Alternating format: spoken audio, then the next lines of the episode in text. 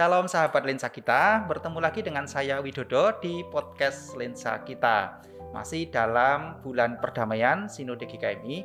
Nah, kalau di episode yang lalu kita sudah berbicara tentang bagaimana berdamai dengan diri sendiri. Pada episode kali ini kita juga masih berbicara tentang berdamai tetapi bukan hanya dengan diri sendiri, tetapi dengan orang-orang yang kita kasih di sekitar kita, yaitu dengan keluarga kita. Nah, gimana sih kita bisa berdamai dengan keluarga kita. Apakah kita itu setiap hari perang terus sih dengan keluarga kita sehingga kita perlu berdamai. Di studio sudah hadir Ibu Sri Rezeki. Langsung saja kita sambut beliau. Selamat datang Bu Rezeki. Terima kasih sudah mengundang saya di podcast kali ini. Ya Bu, sama-sama. Gimana Bu, sehat Bu? Sehat, puji Tuhan. ya, kesehatan itu memang sangat ya mahal harganya. Jadi kalau kita sampai hari ini kita masih bisa bertemu itu karena anugerah Tuhan. Iya. Nah, Bu Jeki, kita itu kan di dalam relasi dalam kehidupan sehari-hari dengan keluarga tentunya saya yakin tidak mulus-mulus saja ya. Pasti kan ada selisih paham, konflik.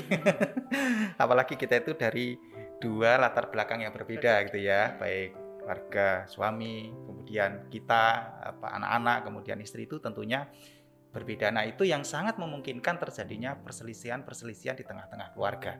Nah, lalu bagaimana menurut Bu Zeki, apakah kedamaian di dalam kehidupan keluarga itu sulit diwujud nyatakan? Memang su sangat sulit sebenarnya kalau ah. diwujudkan kalau kita di dalam keluarga itu tidak ada yang saling mengalah Oh. Tidak ada rasa saling percaya satu hmm. sama lain. Hmm. Apalagi kalau masing-masing pasangan kita mungkin kita juga mengedepan, mengedepankan ego kita masing-masing. Iya, itu memang akan sangat sulit sekali terwujud di dalam keluarga ah, kita. Ah. Tapi akan terasa lebih mudah jika hmm. kita mempunyai rasa saling percaya. Mau mengalah dengan pasangan kita mungkin atau dengan anak-anak, misalnya anak-anak mau mengambil keputusan ini, kita mencoba apakah keputusan anak itu baik hmm. kita mencoba berbicara dengan dari hati ke hati hmm. jadi akan terasa lebih mudah kedamaian itu terasa di tengah-tengah keluarga kita ya jadi memang sulit tetapi bukan berarti nggak bisa, bisa ya Bu ya. ya akan bisa terwujud nyata dan ketika ada saling mengalah ya. gitu ya baik ya. pihak suami istri orang tua dan anak-anak gitu ya nah itu kuncinya tentunya ya nah lalu Bu bagaimana cara yang paling tepat gitu ya ketika ya pastilah konflik-konflik perbedaan pendapat itu terjadi dalam kehidupan kita. Nah, lalu bagaimana sih caranya menurut Bu Jeki untuk kemudian kita bisa menyelesaikannya? Gitu? Misalnya perselisihan di dalam keluarga. Iya. Ketika kita mengalami perselisihan di dalam keluarga memang, mm -hmm. tapi di dalam keluarga saya, maksudnya saya sendiri selalu kebanyakan bersikap mengalah terhadap hmm. apa yang terjadi dalam keluarga kami karena hmm.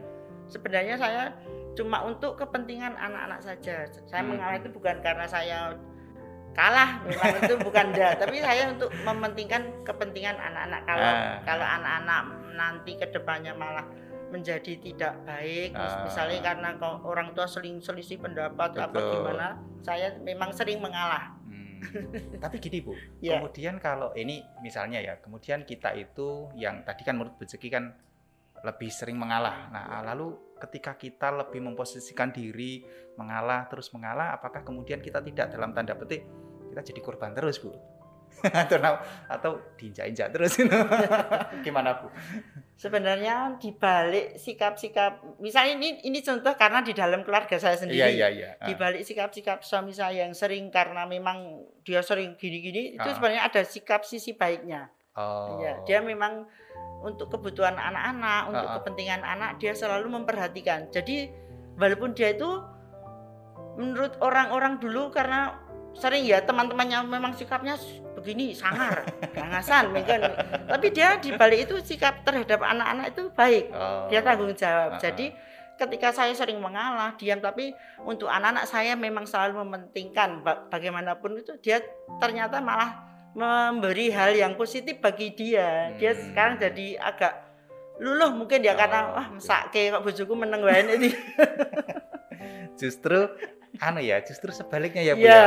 Jadi bukan ketika kita mengalah semakin diinjak justru ya. ketika kita iya. mengalah ya. itu malah meluluhkan hatinya ya. ya. Dia itu langsung bersikap sebenarnya dia baik hmm, sebenarnya. Hmm, Mungkin hmm. karena pengaruh bukan pengaruh lingkungan sih, cuma karena memang dia begitu ya. Sebenarnya dia hatinya tidak tegaan Mas Oh, gitu ya. Tidak ya, tegaan ya. karena ada misalnya ada orang anu dia sebenarnya baik cuma karena memang dia masih dulu masih muda mungkin hmm. dia masih wah aku berjiwa muda harus begini iya jadi ada satu istilah kalau api itu harus dikalahkan dengan air ya. Kalau api dilawan yeah. dengan api ya semakin iya. apa merajalela ya. Dulu waktu sering bertengkar misalnya bertengkar saya sering anu karena saya berpikiran kalau dia panas saya mesti diam. Kalau oh. panas diimbangi dengan panas mesti jadinya tidak baik. Iya. Betul betul. Ya menarik sekali. Nah itu tadi adalah satu tips yang dilakukan oleh Bu Jeki kedengarannya memang mudah ya mengalah tapi prakteknya nggak semudah iya, itu. iya. nah kemudian untuk bisa mengalah itu apa punya pengalaman apa Bu? Kemudian Bu Jeki bisa kemudian ambil keputusan saya lebih baik mengalah saja. Di dalam persoalan keluarga kami mungkin banyak sekali memang pertentangan Mas hmm. di dalam suami saya kan kadang selalu bersikap semua harus menurut kepada dia karena oh, dia merasa kepala ya. keluarga ya. iya pemimpin ya iya saya memang kadang tapi baiknya dia anu di, memposisikan diri anak-anak misalnya hmm. anak-anak hmm. misalnya mau mengambil keputusan A uh -uh dia juga misalnya bapaknya B tapi saya langsung bersikap di, dilihat dulu bagaimana dia kok alasan apa dia bisa mengambil keputusan A kalau itu lebih baik dari keputusan kita hmm. Kita harus menerima hmm. tapi kalau keputusan anak itu tidak baik maksudnya lebih baik dari keputusan orang tua kita harus ngomongnya dengan secara baik-baik jadi dengan yang sabar misalnya supaya tidak terjadi anak-anak tidak menjadi bagaimana kan Sakit kadang hati, ya. marah ya. ya. nah, kemudian kan dengan cara-cara itu kalau menurut Bu Jeki tadi bisa terjadi rekonsiliasi atau terjadi pemulihan atau terjadi kemudian perdamaian di tengah-tengah keluarga. Nah, kemudian Bu untuk menjaga hal itu. Nah, orang bilang kan mempertahankan itu lebih sulit, sulit ya, ya daripada meraihnya. Nah, ada tips apa Bu yang bisa disampaikan? Ya itu tadi seperti yang tadi itu masih tidak pernah mengungkit-ungkit masa lalu. Jadi saya melihat itu lebih baik kita melihat masa depan saja. Masa hmm. lalu biarlah kita kubur, tidak usah karena pernah sekali tempo saya mengungkitnya. Hmm. Dia tuh langsung marah itu menjadi tidak baik bagi kehidupan keluarga kami sendiri. Jadi iya. saya begitu saat itu dia marah, saya langsung udah lebih baik saya menatap masa depan yang lebih baik saja untuk anak-anak apalagi sekarang anak-anak sudah dewasa, dewasa.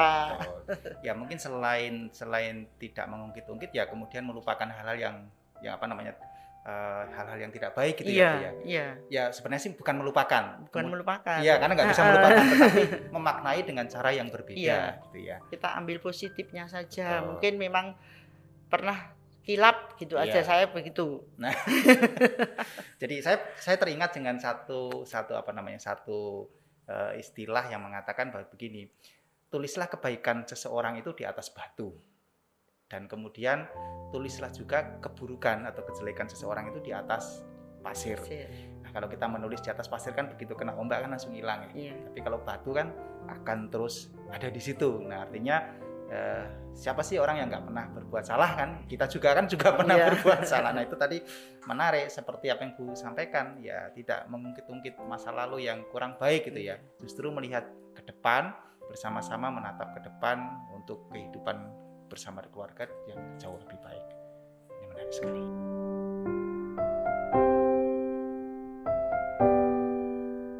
Bu Zeki kita juga akan melihat di dalam firman Tuhan bagaimana Daud pada waktu itu juga dia berdoa memohon kepada Tuhan supaya Tuhan memberkati keluarganya, menolong keluarganya, memimpin keluarganya. Itu terdapat di dalam satu Tawarikh pasal 17 ayat 27. Saya akan bacakan begini.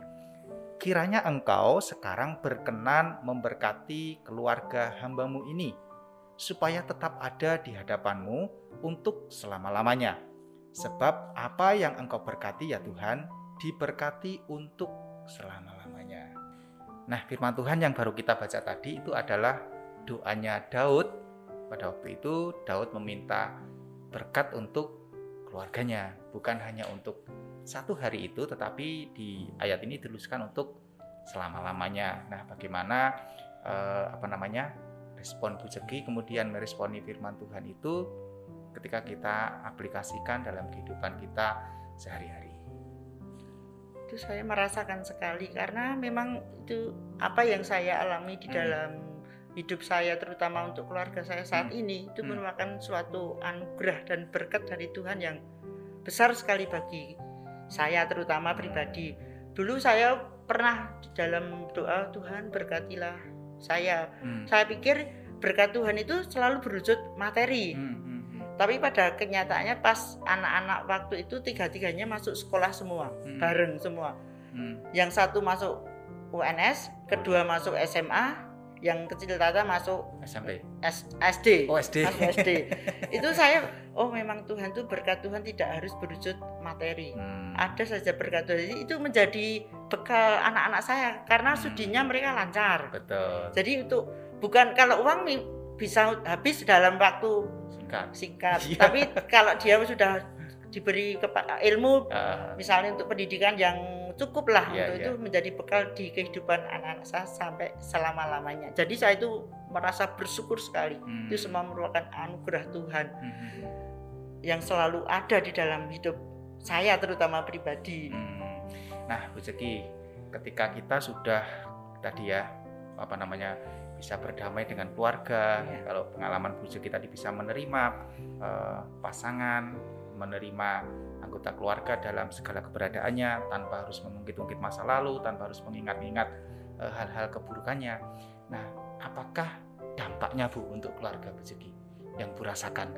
Iya, dampaknya sangat besar sekali Mas. Hmm. Karena saat ini setelah anak-anak saya besar, hmm. saya bisa merasa terutama dulu pernah saya tuh di dalam hidup saya itu sering kali saya merasa aku begini tidak merasa damai. Oh. Jadi merasa sangat ketakutan mungkin satu. Hmm. Tapi setelah saya selalu mengandalkan Tuhan, sebisa mungkin saya bersyukur hmm, hmm, hmm. atas apa yang sudah Tuhan berikan dalam hidup saya. Saya merasa jiwa saya itu merasa tenang, merasa hmm. damai. Apalagi anak-anak sudah besar, hmm. sudah bisa mencari uang sendiri. itu sangat besar sekali di dalam di dalam keluarga saya dan terutama untuk sikap suami saya sendiri. Hmm. Dia sudah merasa kalau misalnya dia mau begini-begini dia merasa malu. Oh.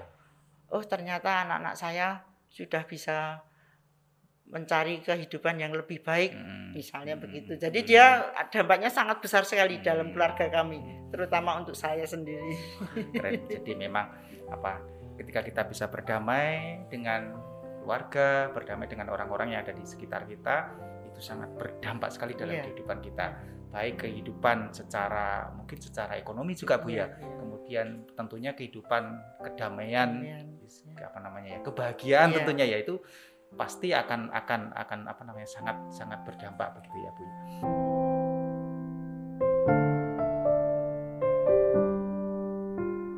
Sahabat lensa kita, kita sudah sampai di penghujung episode kali ini. Kita sudah berbincang-bincang dengan Bu Jeki tentang berdamai dengan keluarga. Ada beberapa hal yang sudah kita dapatkan dari perbincangan ini bahwa bagaimana kita bisa berdamai dengan keluarga yaitu kita mengalah dengan pasangan hidup. Mengalah bukan berarti karena kita kalah, tetapi justru untuk memperoleh solusi-solusi yang terbaik dan dampaknya itu sangat luar biasa seperti yang sudah disampaikan Bu Jeki tadi. Kemudian yang kedua, tidak perlu mengingat-ingat hal-hal yang buruk, baik itu pasangan hidup kita, anak-anak kita, atau orang-orang yang ada di sekitar kita. Melupakannya dan menatap hari depan untuk jauh lebih baik lagi. Ada satu kunci yang paling penting adalah tetap berdoa kepada Tuhan, mengandalkan Tuhan, bahwa Tuhan itulah yang mengendalikan keluarga kita. Kemudian yang sampaikan Bu Jeki juga bahwa ada dampak yang luar biasa ketika kita bisa berdamai dengan keluarga kita. Ada berkat yang Tuhan berikan, bukan hanya berkat secara jasmani, tetapi berkat-berkat rohani, keharmonisan, dan kedamaian. Bu Jeki, terima kasih kehadirannya di podcast Lensa kita pada episode kali ini. Gimana Bu kesannya? Senang sekali. Kami juga senang yeah. bisa berbincang-bincang, bisa berbagi dengan rezeki. Sahabat lensa kita, jangan lupa untuk terus mengikuti episode-episode berikutnya yang akan tayang di channel YouTube GKMI Solo dan Spotify lensa kita. Dan satu lagi, tetap taati protokol kesehatan yang berlaku. Sampai jumpa di episode berikutnya dan Tuhan Yesus memberkati.